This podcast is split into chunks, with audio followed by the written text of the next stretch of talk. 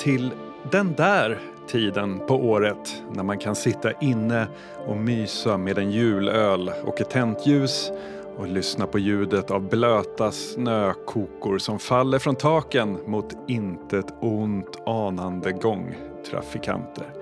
Det är advent, det är Oddpod, det är avsnitt 323 och det är jag som heter Billy Rimgard och med mig som vanligt min vän och kollega Tobias Norström. Hallå där. Hej! Kul att du börjar med att nämna snön här. Eh, vad heter det? Jag har sett att det pratas om en mantellös hjälte på sociala medier. Mm -hmm. Den här memen har ju funnits den senaste åren med All heroes don't wear capes. Mm.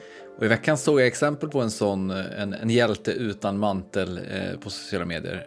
Eh, det var en man som sprang runt på gatorna i Fruängen och hjälpte bilar vad heter det, som inte hade lyckats byta till vinterdäcken i denna, denna snötid. Eh, det var helt enkelt du som var ute och rände och var en god, godhjärtad samarit. Va, va, berätta, vad, vad hände? Men först måste jag bara understryka att det var inte på mina sociala medier. Nej, eh, det, nej exakt, det, det, ska, det ska sägas. Jag gjorde detta helt omedveten om att det skulle bli stories på Instagram, för det var inte därför jag gjorde det. Det känns jätteviktigt att påpeka, för att jag vill inte... Ja. Nej men vadå, folk, folk fastnar ju i en backe liksom. Och så ser man det stackars Foodora-budet som har gått ut och lagt eh, så här, eh, mattorna från bil, alltså bilmattorna under däcken så han ska få lite traction kommer igång, börjar rulla framåt men då ligger ju mattorna kvar där. Vad gör man? Jo men det är klart man kutar ut och tar mattorna, kutar ikapp Foodora-bilen och slänger in dem genom nedissad ruta. För han kan, om han stannar så är det ju kört igen. Liksom. Ja, det var jo. bara en ren reflex. Och sen när man väl har börjat då står det ju tre bilar till där nere. Man kan ju inte bara lämna dem åt sitt öde och så vidare. Men jag är nyfiken här, vad heter det, hade du något ärende ute eller gick du specifikt ut nej, på vägen klart, för att nej, hjälpa så, folk? Såklart hade jag ett ärende, jag var på väg hem från eh, från eh, tunnelbanan. Ja, men det var, ändå, det var ändå fint att du liksom eh, hjälpte människor, engagerade dig. Det, det, liksom, ja, men det, det värmde mig något enormt. Ja, nej men vadå? Vi var på väg hem, jag och min tjej, och sen så eh, såg vi det där och så eh, fastnade jag på hennes story. Det visste inte jag om. Så medan du hjälpte folk så stod hon och tittade på och dokumenterade helt enkelt? Ja, nej men man får folk är så jävla dåliga liksom på eh, där jag sitter, jag bor ju på nedre botten och där jag sitter så ser jag ut mot en gata. Och de senaste dagarna här så har ju folk stått och kämpat med liksom du vet stått och försökt gräva fram sin bil med en sån här handhållen liten sopborste. Och man bara, men det går mm. inte för att det är en och en halv meter snö, inte riktigt, men typ. Så då har jag pipit ut och lånat min eh, lilla skyffel som jag har faktiskt stående bredvid mig här. Oj, nu slog jag ner micken. Ja. Kan man sticka ja. ut den genom fönstret så blir de jätteglada. Ja, jag vet inte. Men det är alltså, det, det, det, det raljeras mycket om att folk är dåligt förberedda. det är så här, blir folk förvånade över att det kom snö i år också? Men fan, man ska inte ha så höga krav på folk. Folk kämpar fan på.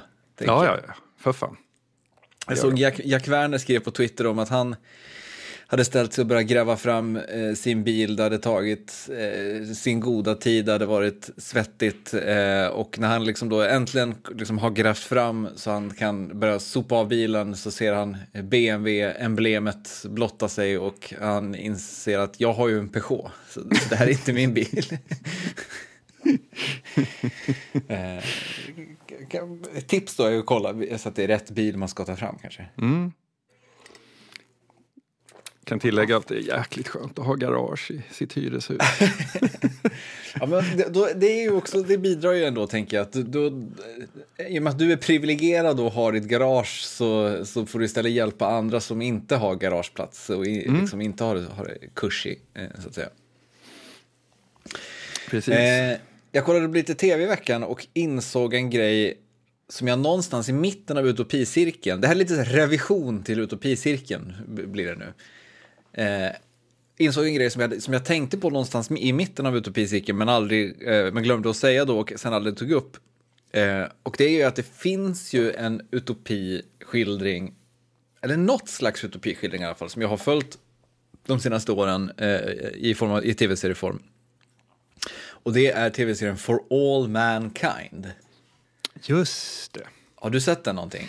Nej, jag har inte gjort det. Du har, du har tipsat om den, att den ska vara så bra och jag har läst andra också som tycker att den är så underskattad eh, grej men jag har inte, inte sett den. Det är faktiskt underkänt. Ja, alltså den är så här, det ska sägas då innan folk nu börjar tugga fragga. Det är liksom inget mästerverk för All Mankind, men underskattad är verkligen rätt ord. Det, det är en, en, en, liksom en kanon sci-fi-serie som flyger väldigt mycket under radarn. Man, jag har inte sett den liksom diskuteras någonstans. Eh, det har väl mycket att göra med att den ligger på Apple TV, skulle jag gissa. Eh, eller Apple TV Plus, eller vad de kallar sin tjänst. Eh, men det är alltså så här det är Ronald D. Moore ändå som är showrunner och det är ju eh, i science fiction-världen ett namn med anor får man väl ändå säga. Alltså, det är ju ändå, vad heter det, DS9s, eh, en av DS9s mest framträdande producenter och manusförfattare. Det är Battlestar Galacticas, den nya versionen av Battlestar Galacticas skapare. Det är liksom en, det är ett tungt namn ändå. Eh, och för de som inte har koll på vad For All Mankind är så är det en, en alternate history-serie eh, som, eh, det är lite så blandning mellan Det rätta virket och Mad Men, typ. Mm. eh, den utspelar sig då, eller den börjar ska sägas, eh, vad heter det, 1969. Eh, och handlar om att Sovjet vinner eh, rymdracet. Sovjet blir först på månen.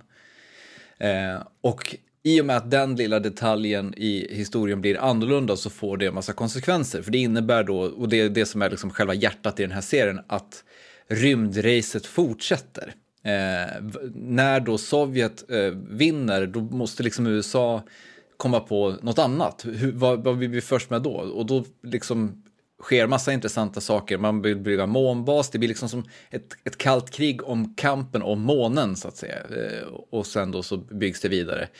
Ehm, den tredje säsongen har precis, jag håller på att kolla på den tredje säsongen nu. Eh, den fjärde säsongen kommer nästa år. Jag tror att den fjärde kommer vara den sista. Eh, för den tredje säsongen nu utspelar sig, vad heter det, på slutet av 90-talet.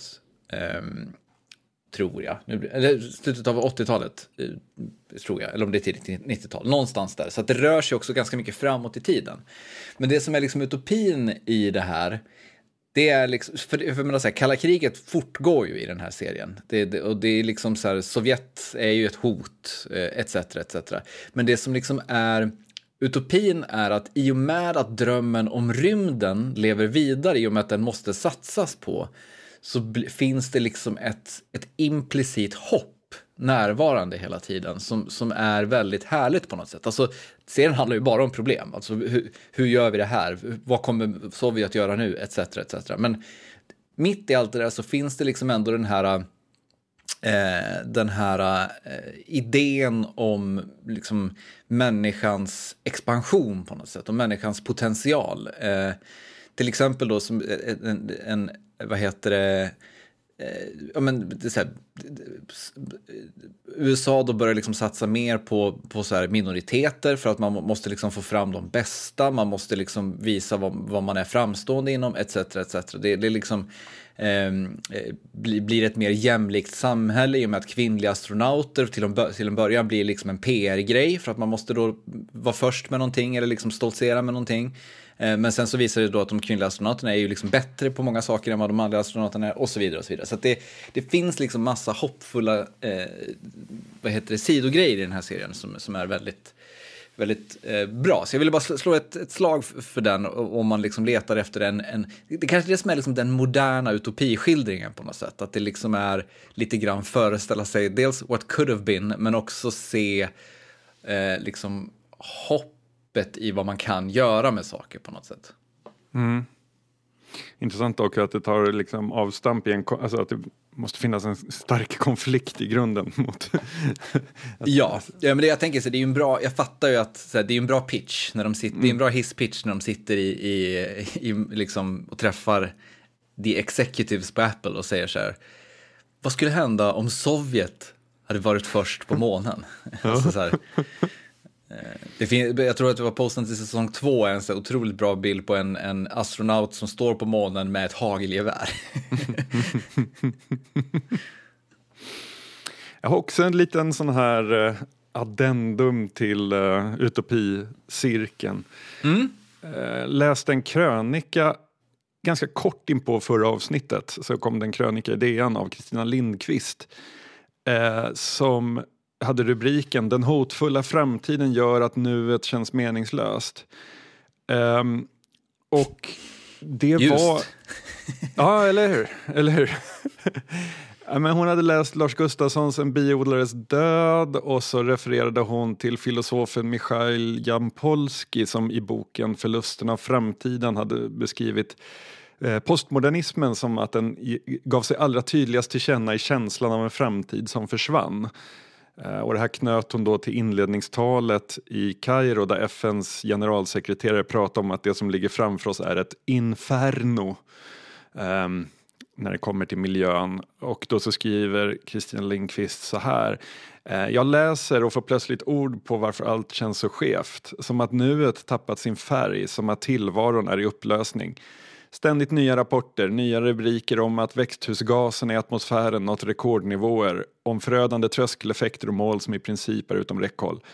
Jag vill för min del inte vara förvisad till att leva i nuet. Strängt taget är det nämligen samma sak som att dö, avslutar hon det här. Eh, så hennes liksom tes med det här är på något sätt att så här, alltså så länge, alltså när, när nuet är Eh, när vi tvingas leva i nuet för att liksom, eh, eh agera här och nu eh, så, så har vi liksom, då förlorar vi vår framtid. Eh, Och då är det, blir det väldigt svårt att eh, tänka sig vad framtiden ska kunna vara. Eh, och jag tänker att det kanske är det som också, alltså ett 60-tal, eller så här, om man tänker så här efter andra världskriget, världen ligger i ruiner, vi kan bygga precis vad som helst. Det nya kan bli fantastiskt. I en, sån, I en sån miljö så tänker jag att det är lättare att drömma upp ett Star Trek där människan är bortom valuta och bara är intresserad av att lära sig nya saker. Eh, Medan så här, idag så, så vet vi liksom inte om tio år eh, så här, vad kommer hända med så här, vad, vad, vad, vad innebär en nationsstat om tio år? När, Jo, men, men samtidigt, alltså så här, det, det, på ett sätt så man hade ju kunnat anamma samma perspektiv då som är efter andra världskriget. Jag skulle också säga att lägga till att efter andra världskriget en sån otroligt viktig aspekt är ju inte bara att världen är i ruiner utan också att världen är liksom eh, helt plötsligt mer jämlik än vad den har varit ja, kanske någonsin. Eh, det finns såklart jättemycket ojämlikhet i världen efter andra världskriget. Det, men det jag menar är att så här, eh, liksom, heter, ekonomiska skillnader är liksom ganska låga eftersom att mängder av rikedom har liksom förstörts under andra världskriget. Du har liksom eh, en, en arbetarklass som vad heter, har visat sig vara oumbärlig och kommer vi, fortsätta vara oumbärlig i några decennier när liksom, det nya samhället ska byggas. Du får liksom eh, massa vad heter det, konsekvenser av andra världskriget som Thomas Piketty har skrivit jättemycket om det där, att det, liksom så här, det hände någonting då eh, som gjorde att vi, det ekonomiskt såg, som det, även det som gjorde att socialdemokratin kunde liksom frodas i, i Europa och så vidare. Eh, som vi sen har liksom lämnat bakom oss eh, ganska mycket. Eh, men det är intressant att du säger det här med nuet, för de pratade väldigt intressant om det här i, i ett avsnitt av Stormens utveckling för ett tag sedan. Och då pratade de om det här med att vi kan också inte föreställa oss framtiden, alltså det finns ingen så här, de, tog upp kraftverk exempelvis, att kraftverk är liksom fortfarande hur framtidens musik kommer låta.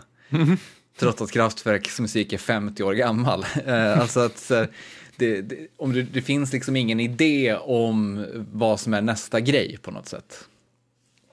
Eh, och det, det är väl det som gör att vi är fast i det där nuet också på, på något vis. Vi kan bara blicka bakåt lite grann.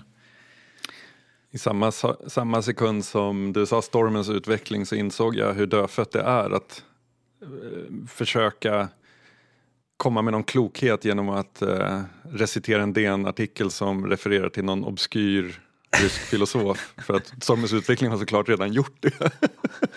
Och läst filosofen, det är det. Exakt. Har en egen take på... Hörru, jag har något helt annat. Tangera framtiden lite grann, tror jag. Men det här var kul. Jaha. Jag ska visa dig en bild. Kan du Nu beskriva? gjorde du ju sådär som man inte ska göra, som, som Jonathan Unge säger att, att eh, folk sabbar för honom med jämt. Att de säger så här, oh det här är kul, lyssna på det här. Ja, det här är jättekul. Nu, Ja. nu, nu, nu, nu peggar vi upp något stort här. Nej. Nej, det gör vi inte. Berätta för mig vad du ser på den här bilden. Eh, jag ser eh, Steams settings eh, dialogruta som har eh, fått ett nytt typsnitt. Jag vet inte vilket typsnitt det här är, men det är ett typsnitt som ser ut typ som någonting som är skrivet på en griffeltavla. Lite udda att se det där. Eh, ja, lite grann. Det här har en backstory. Varför det här konstiga typsnittet kommer in i Steams settingspanel. Mm. Eh, ska för, alltså att all text i hela liksom, settingsfönstret är, är skrivet med, den här, eh, med det här typsnittet. Det, vilket gör att det ser väldigt konstigt ut. Det är inte direkt användarvänligt. Man, ja, handskriven, alla typsnitt egentligen som har handskrivet, försöker imitera något handskrivet, blir väldigt rörigt. Eh, Det här är en bloggare som heter Bug, eh, eller Insuris på Twitter. Han spelar ett spel som heter The Stanley Parable. Har du spelat det? Ja, Ja. I det spelet så finns det en achievement som man kan unlocka om man inte har spelat spelet på tio år. känner, känner till detta. Ja. Och Bug, han ville ha achievementen så han stängde av så att hans datorklocka inte synkade över nätverket. Och så ändrade han systemtiden så det blev 20.40, catching, achievement unlocked. Men så började det hända massor av konstiga grejer i hans dator och då framförallt i Steam som bland annat fick det här konstiga typsnittet och sånt. Så han började undersöka vad fan det var som hade hänt. Och för att få en ledtråd till varför så kan vi faktiskt gå tillbaka till Oddpod avsnitt 249 när vi var i Sveriges Marseille i Göteborg hemma hos Erik Palm, en av våra patrons. Eh, det avsnittet handlade om millenniebuggen. Och i slutet av avsnittet så snuddade vi vid någonting. Så här lät det. Men vadå, för att alla utvecklare inte fick den, den vad heter det, credden de förtjä- förtjänade? Eller, Ja, men eller att man kanske inte tar det på allvar nästa gång. Alltså så här, bara för att nästa det... gång? Ja, vet du när nästa gång är? Nej, berätta. Tre, tre timmar, 14 minuter och 7 sekunder in i 19 januari 2038. Då tar lagringsutrymmet för datum slut i alla 32 bitars system. Jag försökte skjuta en liten nödraket där om 2038. Du, Ska jag få äta upp någonting här? Ja, men vad som hände med, med Bug som gjorde den här bloggposten är alltså att han ställde om klockan till ett datum efter 2038, nämligen 2040. Och när han öppnade då spelet för att få sin achievement så var Steam inne och kladda på massa filer i datorn som då fick en tidsstämpel efter 19 januari 2038 och systemet kunde liksom inte hantera det här och blam, allt började liksom paja. Han, har gjort en ett, han, gjort, han har gjort en teknisk bloggpost om allt han var tvungen att göra för att försöka lösa det här och det var liksom ingen lek för det var ju så mycket filer och sånt som behövde få, alltså ja, man är inne ganska djupt i, i datorns kärna, nej det är man inte, men i fil, fil eh, vad heter det, filstrukturer och sådana saker. Eh, Där man, och liksom förhoppningsvis så, har man ju hunnit eh, uppdatera alla system till 64 bitar innan liksom 2038. Men jag har börjat tänka så här att 2038, jag är 61 år då. Om jag fortfarande jobbar inom tech runt 2030 så ska jag nog allvarligt börja fundera på antingen ett karriärbyte eller om man kan få till någon tidig pension av något slag och bara sitta och spela Trackmania. det här vill man nog, alltså det, det känns som att det här kommer bli asjobbigt. Men kommer det inte komma någon workaround? Jag hoppades jag skulle få ut meningen innan gissningen kom. Men, Det var eh, nästan. Men nästan. kommer det inte komma någon, någon, någon liksom simple workaround? Någon, någon security fix som Windows Update eh, säger till om bara? Eller? Ja, jag vet inte. Jag tror inte det. Alltså, problem, eller ja, jo, Windows kanske, men alltså problemet är ju alla Tänk alla databaser som någonstans ställer en fråga om en tidsstämpel. Liksom. Ge mig Jo. allting inom, sorterat på tid. Liksom. All, alla queries i SQL och sånt. Alltså det kommer vara, det är ju ett, ett antal system som behöver skrivas om på något vis. Eh, Ja, men jag tänkte säga, överlevde, jag, jag, jag tror jag var inne på samma spår där när vi var i Marseille. Eh, vad heter det? Att eh, om det inte är så att, eller i och med att vi klarade millenniebuggen så lär vi klara 2038-buggen också. Ja. Eh, tror jag.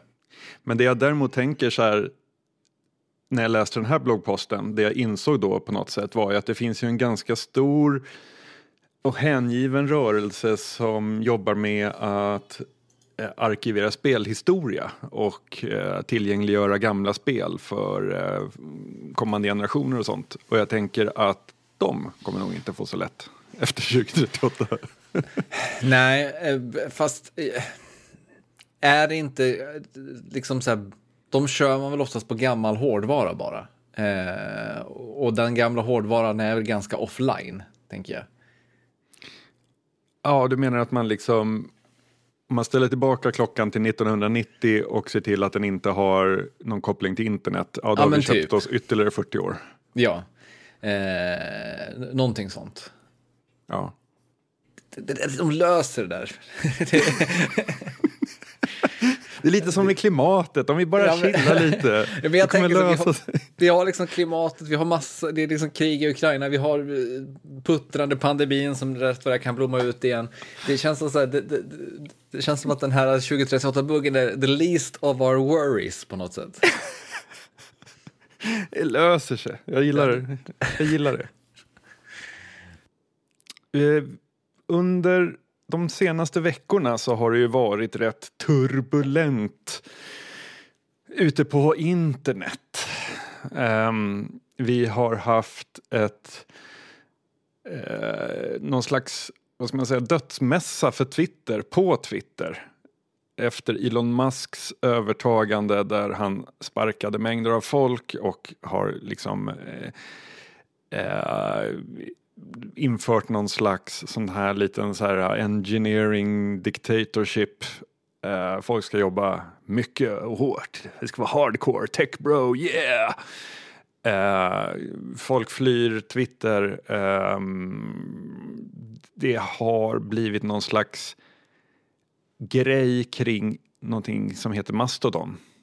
Men vänta, först vill jag backa, backa lite där. Det påminner ju ganska mycket om stämningen med millenniebuggen, stämningen på. Twitter. Framförallt liksom förra helgen när det var verkligen sån, mest, mestadels från amerikanska konton, att säga this is it. Ta, ta, tack alla.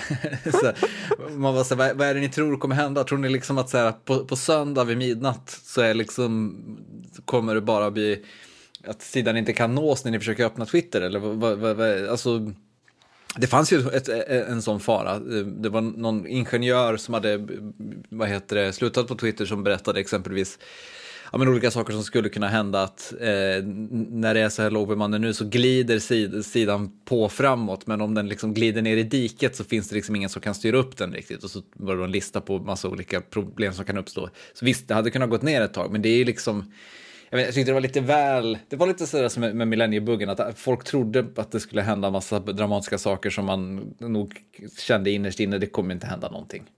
Nej. Ehm, men det här är ju på något sätt en... eh, vi, har fått, ja, vi har fått ganska många pings med frågor om vad vår take på det är. Twitter, Mastodon. Mas- Mastodon eh, och så vidare.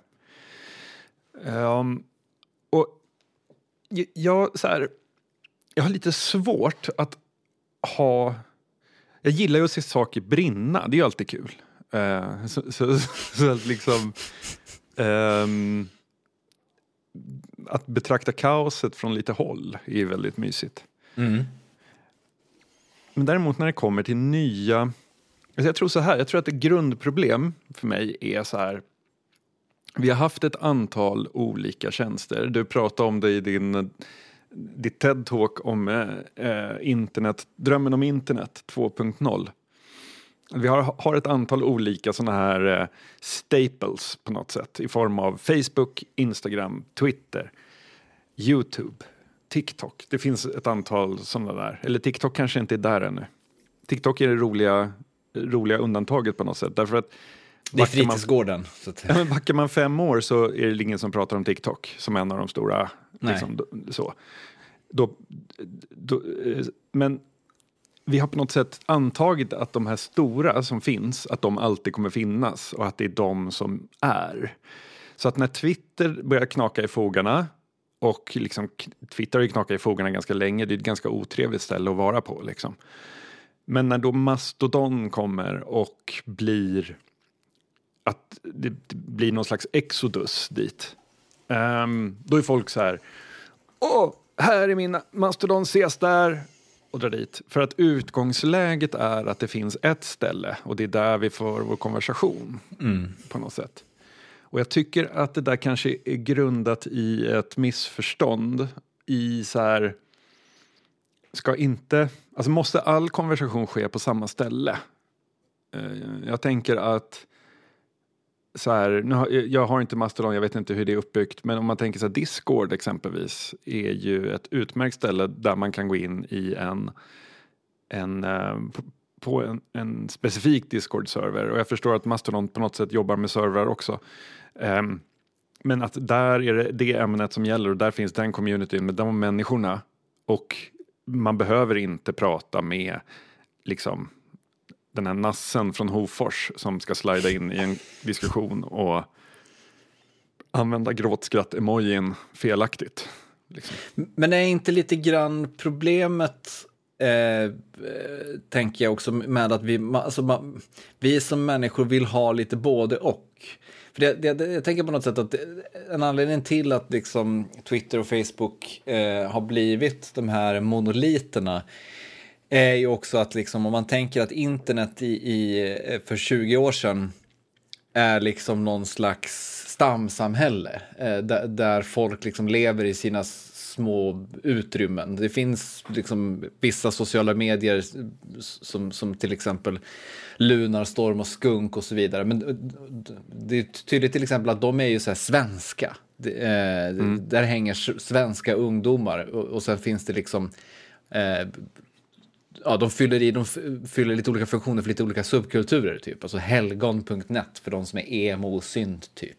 Eh, skunk för de som vill vara lite indie. Eh, Lunarstorm för liksom fjortisarna. Alltså, det, jag, jag, jag generaliserar, men, men typ. Eh, och sen då så liksom börjar de här globala komma för men typ mitten på 00-talet med liksom MySpace Friendster om du minns Friendster. eh, där liksom själva grejen är på något sätt att så här, du, behöver, du behöver inte bara liksom ha kontakt med, alltså grejen med Lunarstorm är liksom så här du kunde gå in och kolla vilka som var online i din kommun. alltså det, det är liksom heta linjen-tanken på något sätt. Det, så, det finns en väldigt tydlig lokal förankring. Och sen då när de här globala grejerna kom så, så försvann den eh, för att det handlade istället om så här, man kunde så här, man kunde gå in och skriva till John Darnielle i Mountain Goats på Friendster och bara kanske få ett svar. Eh, och det, det gick ju liksom inte på Lunarstorm. Och där fanns det liksom någonting, en, någonting kittlande. Och det börjar liksom i, i tanken på att så här, man kan om, jag, om jag gillar postrock, då kan jag träffa män, ha kontakt med människor som gillar postrock över hela världen. Men sen successivt så blir det istället att det liksom är eh, det, det, det, ett, ett, liksom ett större torg, ett globalt torg, eh, ett liksom, ett, en, en plats där man så här, eh, skriver saker ut till en grupp eh, människor som, som finns runt omkring en på något sätt. Eh, som inte liksom har den här eh, riktigt, det man har gemensamt är att vi är här allihopa, mer eller mindre. Det, det, I början finns det liksom någon slags grej med att man lägger till vänner som man vet vilka de är. Man hittar dem som man gick i skolan med, typ. Eh, samma sak på Twitter. Man lägger till liksom så här, kollegor, man lägger till eh, intressanta opinionsbildare, lite sånt. Eh, och sen kanske folk börjar följa när man skriver intressanta saker. Eh, och så blir det liksom den här grejen med att det enda vi har gemensamt till slut är att vi är här. Eh, mer än så är det typ inte. Eh, och det, det, där tänker jag liksom så att det fyller någon slags funktion för människor. Att här är liksom mainstream. Eller förstår du vad jag menar? Här, mm. här är, jag är inte här för mitt särintresse. Jag är här för det, stu, det liksom mer offentliga samtalet på något sätt.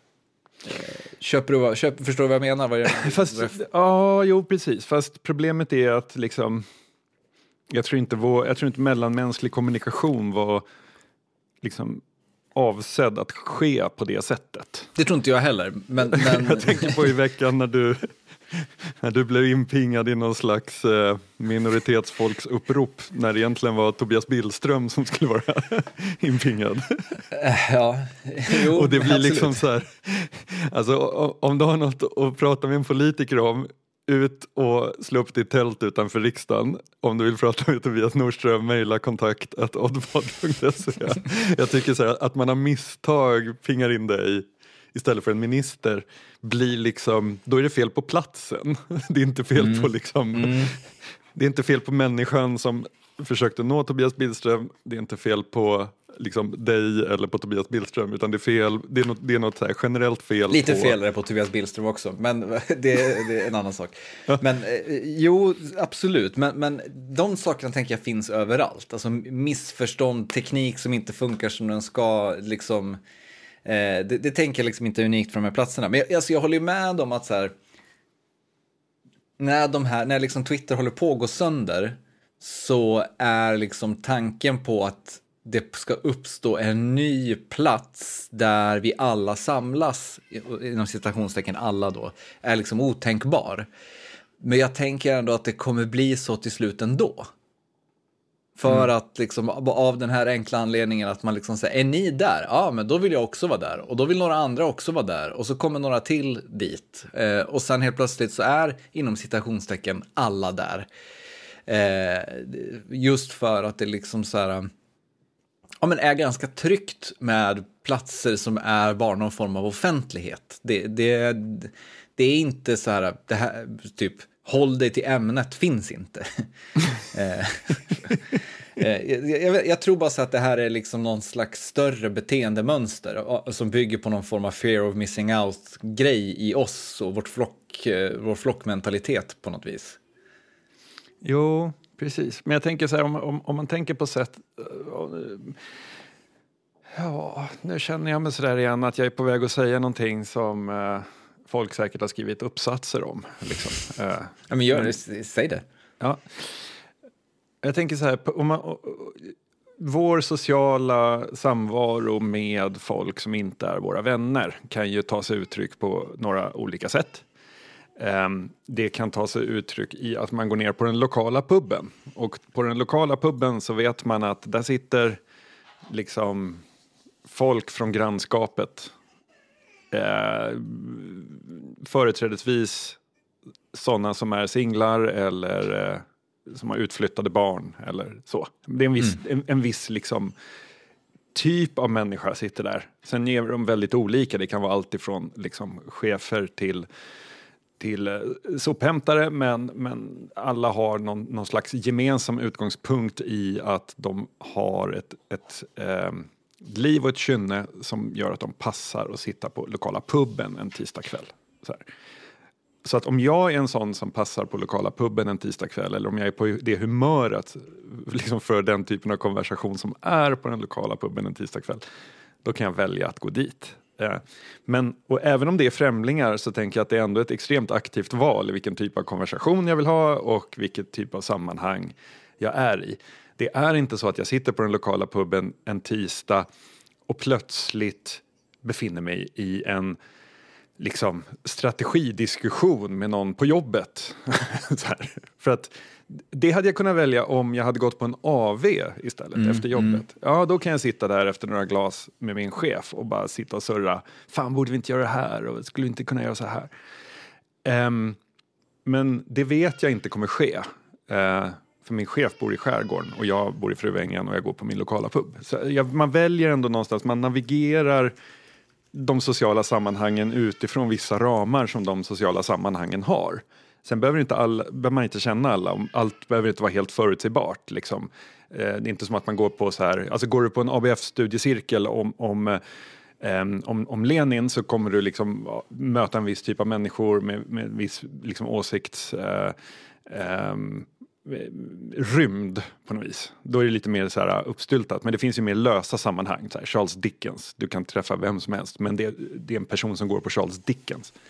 Um, på Twitter så är ju, eller på eh, sociala medier överhuvudtaget så sker det där sjuka ändå att man man liksom är i någon skön, skön tråd om tidsresor. Sen helt plötsligt så får någonting av det man skrivit en like av mamma. Liksom. Man bara, va? Vad hände här? det är liksom inte meningen att mamma ska vara involverad i den där diskussionen om så här, vår hypotetiska diskussion om, om tidsresor så här, den, det blir fel, det blir kortslutning mm. för mig. Mm. Jag tror uppsatsen du, du, någon har skrivit som du är inne på, det är, men du tangerar väl liksom lite så här Jürgen Habermas som är en sån tysk sociolog Eh, hans idé om borgerlig offentlighet. Alltså att när, vi, när liksom det borgerliga samhället uppstår i någonstans skiftet 18-1900-tal så tar liksom ett samhälle form där det finns någonting som är priva privat och någonting som är offentligt. Och att vi liksom så här, i det offentliga så hålls vi liksom till svars för massa saker. Där är vi liksom, eh, det är liksom inte okej okay om du pratar om det här eksemet du har på höften i det offentliga. Eh, utan, men det kan du prata om med din familj och dina nära vänner i det privata så att säga.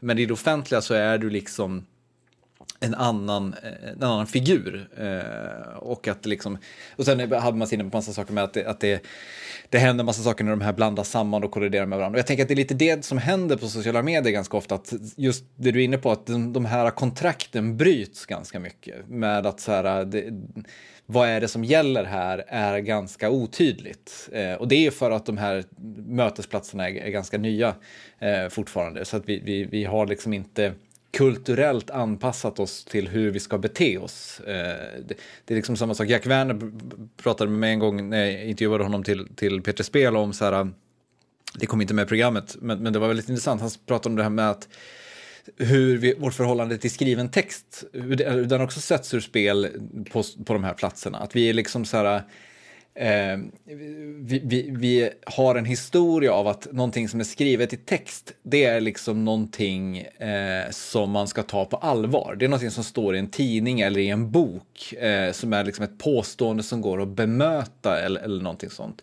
Medan saker som vi säger och saker som vi gör i, i dagligt tal i sociala interaktioner, det är liksom så här, där är det lite grann anything goes. Eh, jag kan liksom referera till någonting som hände under andra världskriget och så du, du liksom behöver inte googla det. Du behöver inte här, säga till mig att så här, vad heter det, ja fast eh, stämmer verkligen det? Alltså för, för att vi pratar, det är liksom kommunikation. Det, det är liksom mm. bara trevligt att sitta och tjabba lite grann. Och det som händer då på sociala medier är att de här två förhållningssätten blandas samman på något sätt. Det är både den här anything goes-grejen med att man tjabbar lite grann och skojar lite grann men det är även då den här, det, det är liksom förhållandet till skriven text som finns på något sätt. Med att du ska liksom stå för det som är skrivet alltid. Eh, och någon ska kunna bemöta det alltid. Eh, och det, det gör också att det liksom är eh, bökigt på, på många sätt och vis. Men, men, men det känns som att vi har glidit lite från Mastodon här. Eh, men jag tänker ändå så här, att så här, det, det du beskriver eh, är någonting, just det här liksom, du, du sitter och diskuterar tidsresor och så kommer mamma in och likar. Det är ju också någonting som så här, eh, är vi inte bara i en period där vi behöver anpassa oss till det här? Alltså vi, vi, för vi, vi har inte verktygen att hantera riktigt än. Eh, men typ näst, nästa generation kommer tycka att det är den mest naturliga som finns i hela världen, eller? Ja, jag vet inte. Jag bara tänker att det finns något fundamentalt i... Men så här... Om man tänker eh, The Thunderdome som är Twitter. Där liksom folk eh, beter sig eh, liksom asrisigt mot varandra och där man som liksom ung tjej med en åsikt manglas av en armé av, av troll. Liksom. Eh, jag tänker att hela det, liksom, hela det konceptet är liksom en... ehm, eh, jag tänker att det finns något fundamentalt fel i hur det är uppsatt eftersom vi inte är byggda för att hantera liksom, relationer eller kommunikation på det sättet. Jag, tänk, jag tänker att vi så här, eh, funkar som bäst om vi bor i en by med 50 personer. Och så är Jo, men nu gör vi ju inte det. Alltså, så här, det- jag menar det på något sätt att det där är ju alltid en slippery slope att tänka vi är inte byggda för att hantera det här. För vi är ju inte byggda för någonting av det vi håller på med riktigt. Alltså det, det, det, det är ju omöjligt att separera på något sätt. Vad är, vad är natur, det naturliga i det här och vad är det onaturliga? Men så här, det är klart att det är klart att det finns massa, sak, massa problem i det här som liksom inte är lösta och som inte kommer lösas eh, och som, som liksom säkert kommer förändras. Och jag tror ju liksom att så här, det vi ser nu är ju definitivt jag tror att så här, Mastodon är kanske inte det bästa exemplet. Mastodon kommer liksom inte bli någonting som folk gör en Exodus till för det är alldeles för bökigt att fatta vad fan grejen är. Eh, jag tror mer på liksom det du pratar om med Discord och liksom så här de de separata kanalerna tror jag definitivt kommer göra en comeback. Vi kommer liksom komma tillbaka till som internet var för 20 år sedan med liksom Ja, men man hänger i sina små enklaver liksom. Eh, men, det, jag, men men jag tror att vi parallellt kommer få nya eh, typer av mötesplatser som är de här liksom stora gemensamma ytorna. Eh, just för att vi kan, liksom, jag tror att vi kan inte låta bli att dras till dem. Om alla är, om, om folk liksom börjar vara på ett ställe så kommer man liksom förr eller senare vara sugen på att skaffa ett konto för att se vad är grejen här egentligen. Eh, tänker jag. Grejen med Mastodon dock, det är ju det, det här, det är det liksom att det är öppen källkod, det är inte massa, det, är, det finns inget företag som ska suga ut all data från den och sälja den vidare och så vidare. Än. Än, precis. För det kommer ju i något läge så bara, nu har vi serverkostnader på så här mycket, Eh, vi måste göra något. Ehm, och jag tänker så här, att jag tror folk, alltså, som, som pitch, eller vad man ska säga, så är det, står det extremt lågt i världen med tanke på hur många som tackar ja till alla kakor när de får upp en cookie-dialog och med tanke på hur många som bara ser, som tycker man är konstig att man inte har Facebook. Eh, om, det, om det är normen att tacka ja till cookies, då, då, då kommer liksom det inte slå särskilt högt att Mastodon inte behöver samla in ens data, liksom, för Nej. folk skiter i sin data. Ja. tyvärr. Verkligen. Eh, men jag tror bara att Mastodon kommer inte funka för att Mastodon är för bökigt. Det, det, alltså det, det, det, det, det liksom Twitter hade som var dess framgång var att det var ot- otroligt simpelt. Eh, och, och Mastodon är mycket, men det, det är inte simpelt. Bara eh, lätt kopplat till det här var ju men samtidigt som, som liksom Twitter höll på att haverera så kunde man på Twitter följa en annat, ett annat haveri, nämligen FTX, en, ehm, en, en kryptobörs. Eh, eller krypto, ja, trader typ.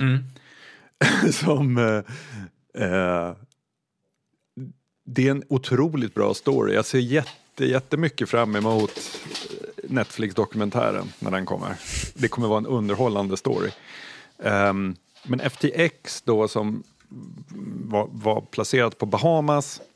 eh, deras eh, eh, grej kan man säga det är att när användare har satt in eh, krypto hos dem så har de eh, typ tagit den valutan och gett till eh, ett eh, annat företag som i sin tur har investerat pengarna i massa fonder och grejer. Vilket gör att det typ inte finns några pengar kvar i FTX. Eh, jag har läst otroligt roliga saker i den här eh, konkurs, eh, vad heter det, när man lämnar in konkursansökan. Där det bland annat var då så här ut, utgifter som de liksom på FTX hade gjort, utlägg, jobbutlägg. Eh, de skrev man i en chattkanal och så var det någon som svarade med en emoji, tumme upp eller tumme ner och så fick man det. Alltså du vet, man, det, det var så man hanterade jobbutlägg.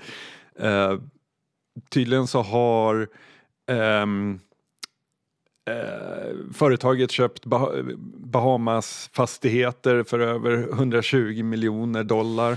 Eh, alltså det, det, har bara varit total kaos. Mm. Så att det, det, det, saknas, var det 8 miljarder eller någonting sånt? Ja, det, det var också så det ökar väl varje dag också i, i och med att det är massa skuldgrejer som framkommer eh, undan för undan så, så vi har liksom inte sett slutet på, på, på det här såklart. Det är liksom Men, the scam of scams. ja, är det det då? För, för det, det, är här, det, det, är klart att det är en scam, det, det, det råder inga tvivel om. Men det, det, så här, jag tycker att det här påminner mer om typ så här, Krügerkraschen. Alltså, en central figur i det här haveriet är ju eh, Sam Bankman-Fried som är eh, ett, ett, tekniskt wunderkind som, som liksom skapade FTX. Ehm, och det är han då som liksom har varit eh, chef, det är han som har liksom bestämt allt det, det är han som eh, har fuckat upp.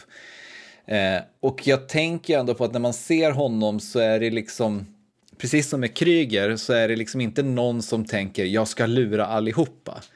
Utan det är ju en person som, som ja men det är ju liksom en Ikaros-berättelse om någon som flyger lite för nära solen och tänker att det är lugnt. I got it. eh, jag ska bara göra det här eh, och sen kan jag fixa tillbaka det sen. Eh, när de här pengarna kommer in där, då kan jag flytta tillbaka dem där och så, så det här är inte ett problem. Tror jag liksom att han har tänkt hela tiden. Jag tror liksom inte att det finns det finns liksom ett, ett, ett uppsåt här. Eller vad tror du? Men alltså, I och med att som jag har förstått det så finns det ju ingen bokföring på insättningar och uttag och sånt utan allt har gått in i någon slags slush fund som används till lite vad som helst. och som alltid bara räknat med att man ska ha tillgångar när någon vill ta ut pengar. Jo, alltså så här, det, jag, menar, jag säger ju inte att han är oskyldig på något sätt, men det jag menar är bara så här att jag tror inte målet var att blåsa folk på pengar. Ja, vi får väl se. ja, Okej, okay, ja. ja. absolut. Ja. ja, men det är som sagt spännande eh, att höra och hur det påverkar vår ethereum blir man intresserad av. Mm, den, vi kan ta en, en, en uh, ethereum-update nästa vecka, men uh, det ser inte ljust ut kan jag säga. uh, jag tänkte prata lite grann om, uh, lite grann om grej någonting som är, nu ska, nu ska vi, kul att vi pratar om det här med vad som är privat och vad som är eh, offentligt, för nu, nu ska jag bli lite privat. Eh, eh, lite kort. Det här ska inte bli liksom någon pappapodd, eh, men eh, som vissa som lyssnar vet så blev jag pappa i början av det här året. Eh, och det har ju varit eh, otroligt på jättemånga sätt och eh, jättejobbigt på jättemånga sätt. Eh, jag räknade efter och eh, jag har inte sovit mer än eh, fyra timmar i sträck på över sex veckor nu. Eh, och det gör ju saker med den, eh, att man, man blir sliten, trött och liksom utmärglad. Och samtidigt så, så är man ju liksom nöjd på något sätt. Vi pratade om, den här, om det här när jag hade blivit pappa lite grann, om att den här liksom, tudelade känslan på något sätt av att eh, det man upplever är, känns unikt och fantastiskt trots att man vet att det är eh, väldigt banalt och någonting som eh, de flesta, eller inte flesta kanske, men eh, väldigt, väldigt, väldigt många på jorden går igenom. Um, och jag var med om en sak här i veckan eh, som, eh, vad heter det, träffade mig hårt. Jag spelade eh, ett nytt spel som heter Somerville som eh, släpptes eh, i förra veckan. Eh, och jag ska, jag ska inte spoila Somerville, men jag kommer berätta vad som händer de första fem minuterna i det här spelet. Och Somerville inleds med att eh, en familj i form av en vad heter man, en kvinna och ett barn eh, och en hund kommer hem till, sitt, eh, till sin villa. Eh, och de eh, packar ur bilen och allting sånt som man gör när man kommer hem. Eh, och sen så däckar de vid tvn, hela familjen.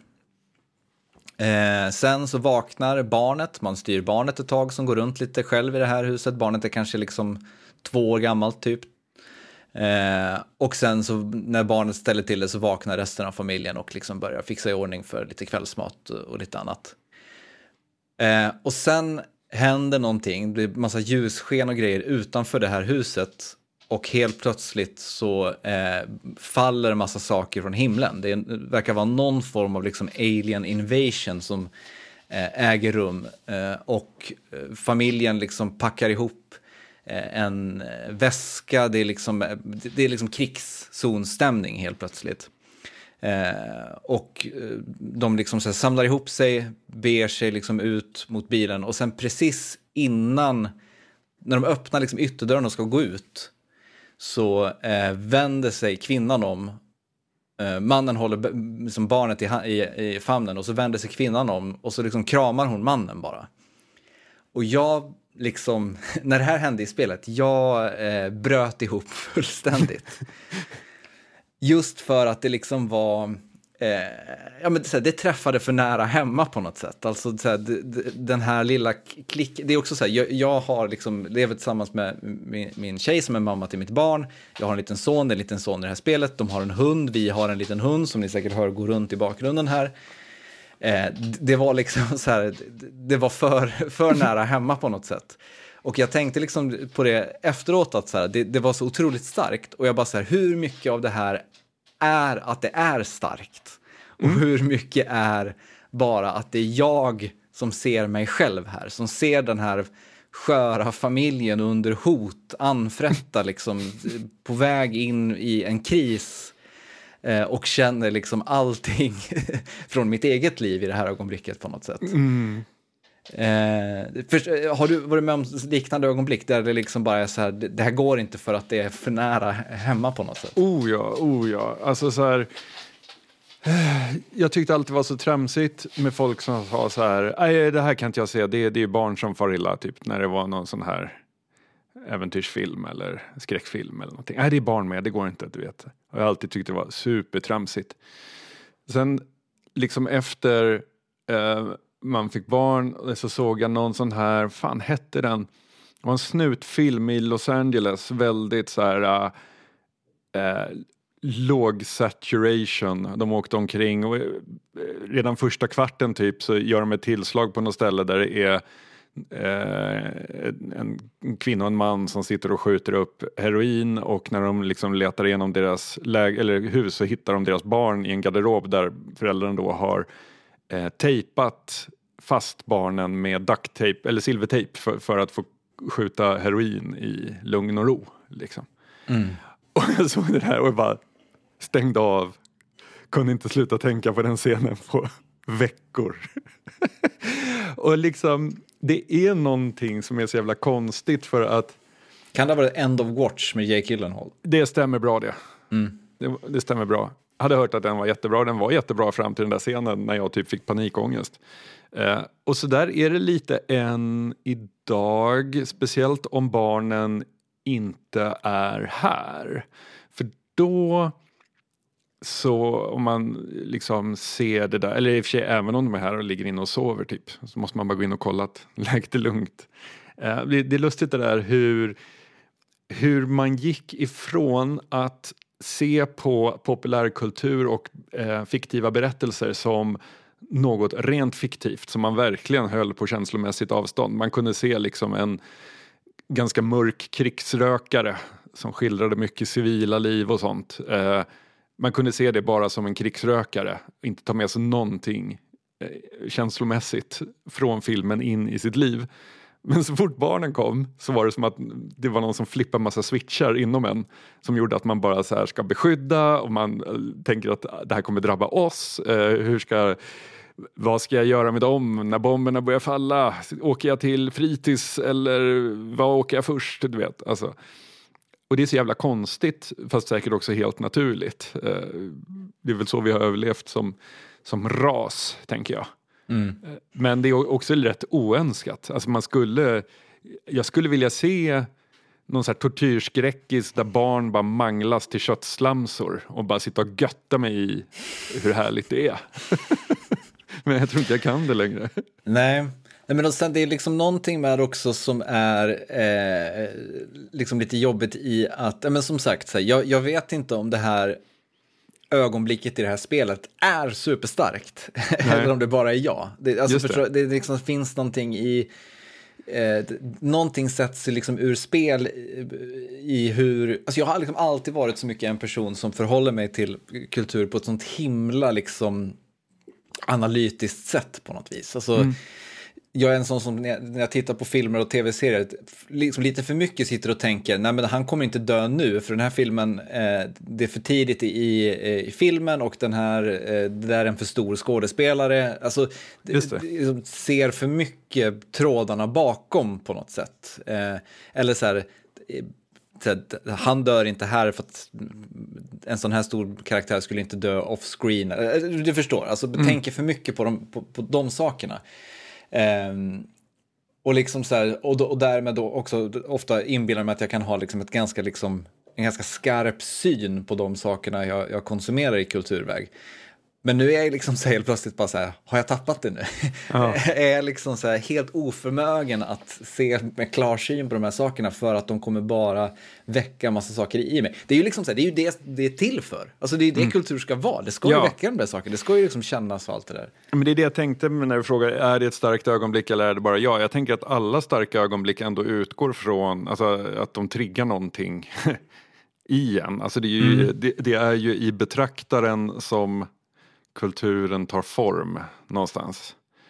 Jag menar, du, alltså två personer kan titta på samma tavla eller samma fotografi. Den ena kan tycka att det här är väl inget, det är bara en bild och den andra kan börja gråta för att det liksom triggar en känsla i, i henne. Liksom.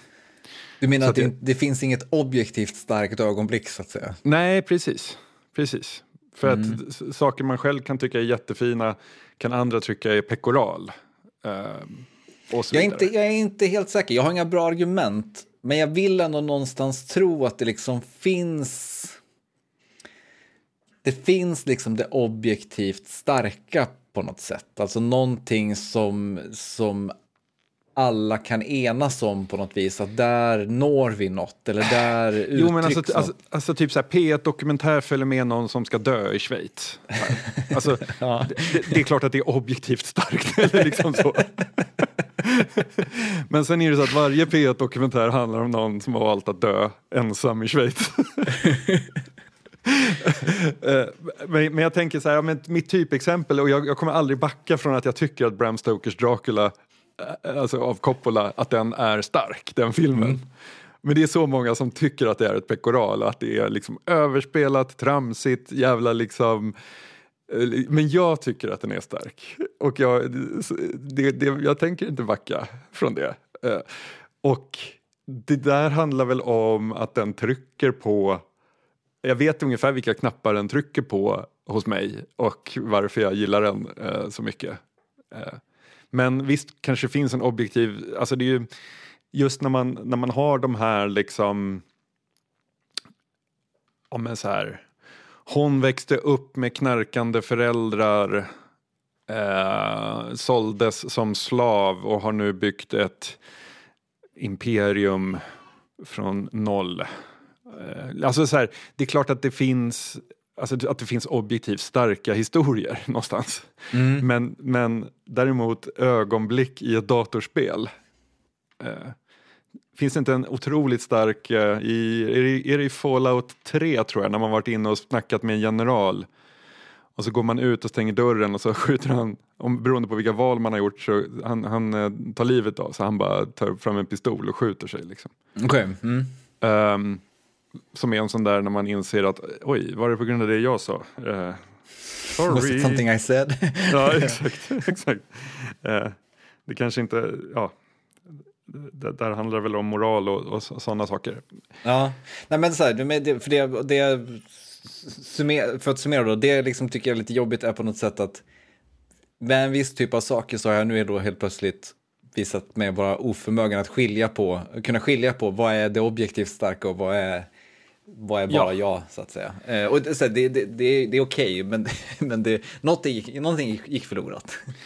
Jag har upptäckt att jag aktivt söker mig till sånt som inte relaterar till, till mig. Alltså, eh, en anledning till att klämma massa alien alien fiction eller zombierökare och sånt är ju att jag inte behöver förhålla mig på något sätt till mina egna känslor och mitt eget liv utan att det verkligen är en sån. Nu tar jag en paus från den här verkligheten och flyttar in på den här lilla rymdstationen där Mm. en onämnbarhet härjar. Ja, jag, då- är nog, jag är nog tvärtom ändå. Mm. Vad, vad skulle du säga? Och då... Ja, och, alltså, för, för där kan man ju på något sätt, om det finns ett barn med i bilden där så spelar det ingen roll därför att det är på en rymdstation långt bort. Det är bara en rökare. Liksom. Så du har, ja. du har två väldigt skilda förhållanden till Alien och Aliens idag. ja, fy fan. Ehm, det kanske var en eh, bra ställe att avrunda, mm, avrunda på. ja, jag tycker det. Jag hade egentligen tänkt föreslå en ny eh, cirkel, men vi tar det Ja, men, nästa, eh, vi krokar på det. Tänk, tänk lite högt, jag vill höra. Ja, men så här, jag, jag, jag, tycker att det är väldigt kul när vi har cirklar. Eh, dels för att det finns någonting återkommande, det finns någonting liksom man kan förbereda lite grann. Det, det är ofta lagom utmanande på något sätt. Och för några veckor sedan så pratade vi om så här, vad gillar man bäst, bra slut eller bra början? Eh, och jag började då tänka på så här, det där hade jag velat prata liksom lite mer om. Vad är ett bra, en bra, ett bra slut och vad är en bra början? Så jag tänkte att vi ska ha en, en tvådelad cirkel. Vi, vi kör på ett tag med den ena cirkeln och sen när vi känner att nu börjar vi ha, ha tömt ut det här, då byter vi. Och att vi börjar då med startcirkeln, eh, där vi då helt enkelt tar olika början på olika saker. Konsumerar bara början eh, och liksom så här, ser det utifrån sig självt. Och sen eh, diskuterar det. Vad, va, vad säger den här öppningen? Det kan vara liksom en, den första sidan i en bok, det kan vara den första meningen i en bok, det kan vara den för, liksom öppningsscenen i en film, det kan vara öppningsscenen i en tv-serie, det kan vara ett helt pilotavsnitt av en tv-serie, whatever. Det, det bestämmer vi liksom själva och tar gärna förslag på från er, från er som lyssnar. Eh, och sen så liksom då helt enkelt så diskuterar man det utifrån att det är en början, eh, så att säga.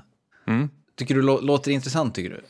Kanske två per gång så att man har två början att eh, diskutera gentemot varandra.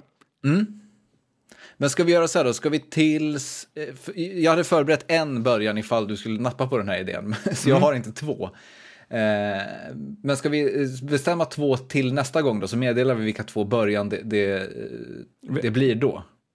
Eh, eh, om, du Eller om du presenterar har- din, om, om du presenterar din så drar jag en bara ur rockärmen. Ja, eh, kul. Jag tänkte börja med en filmscen. Och som sagt, så här, du- varje gång vi presenterar den starten vi, vi vill köra på så liksom presenterar vi hur den ska konsumeras, så att säga. Eh, och jag skulle vilja att vi tittar på öppningsscenen till filmen Drive. Det var den jag skulle dra ur rockärmen. Är det sant? ja. Eh, ja, men då Men, då, kör vi, så- då zoomar vi på den. Alltså från, Ja, vi, vi börjar, med, börjar med en då. Första fem minuterna eller vad det är fram till eh, förtexterna. Liksom. Jag, jag tänker att, och förtexterna. Eh, Ja. Men när förtexterna är slut, då, där är liksom, det är slutet på början så att säga. Eh, Ja. Så det blir väl kanske första sju minuterna eller någonting av filmen, första tio kanske eller någonting sånt. Ja. Eh, hade jag varit duktig på att göra content nu så hade jag såklart kollat var man kan titta på Drive. Eh, den den eh, finns eh, såklart eh, i sjön. Eh, och verkar inte finnas någon annanstans när jag gör en, en snabb googling här. Men eh, någonstans finns den säkert uppspridd. Jag tror, undrar om inte öppningsscenen finns på Youtube också. Det gör den säkert. Eh, bra tänkt där. Eh, men sen så tänker Jo jag... då, första, 12, första 12 minuterna finns. Toppen. Eh, och så tänker jag så här, vi kan diskutera sen hur vi gör med, när vi ska byta över till slutcirkeln om några månader då, men, men eh, hur vi löser det, men det, det tar vi då, eh, tänker jag helt enkelt. Gillar också det här eh, oxymoronen att en cirkel har en början och ett slut. Eh, det finns något i det. Mm. Bra, men med det lägger vi locket på. Vi eh, hörs nästa vecka. Tack till alla som stöttar oss på Patreon. Stort, stort tack. Eh, och ni som inte stöttar oss, eh, börja gärna göra det. Eh, det hade varit snällt. Vi eh, hörs om två veckor. Ha det fint. Hej!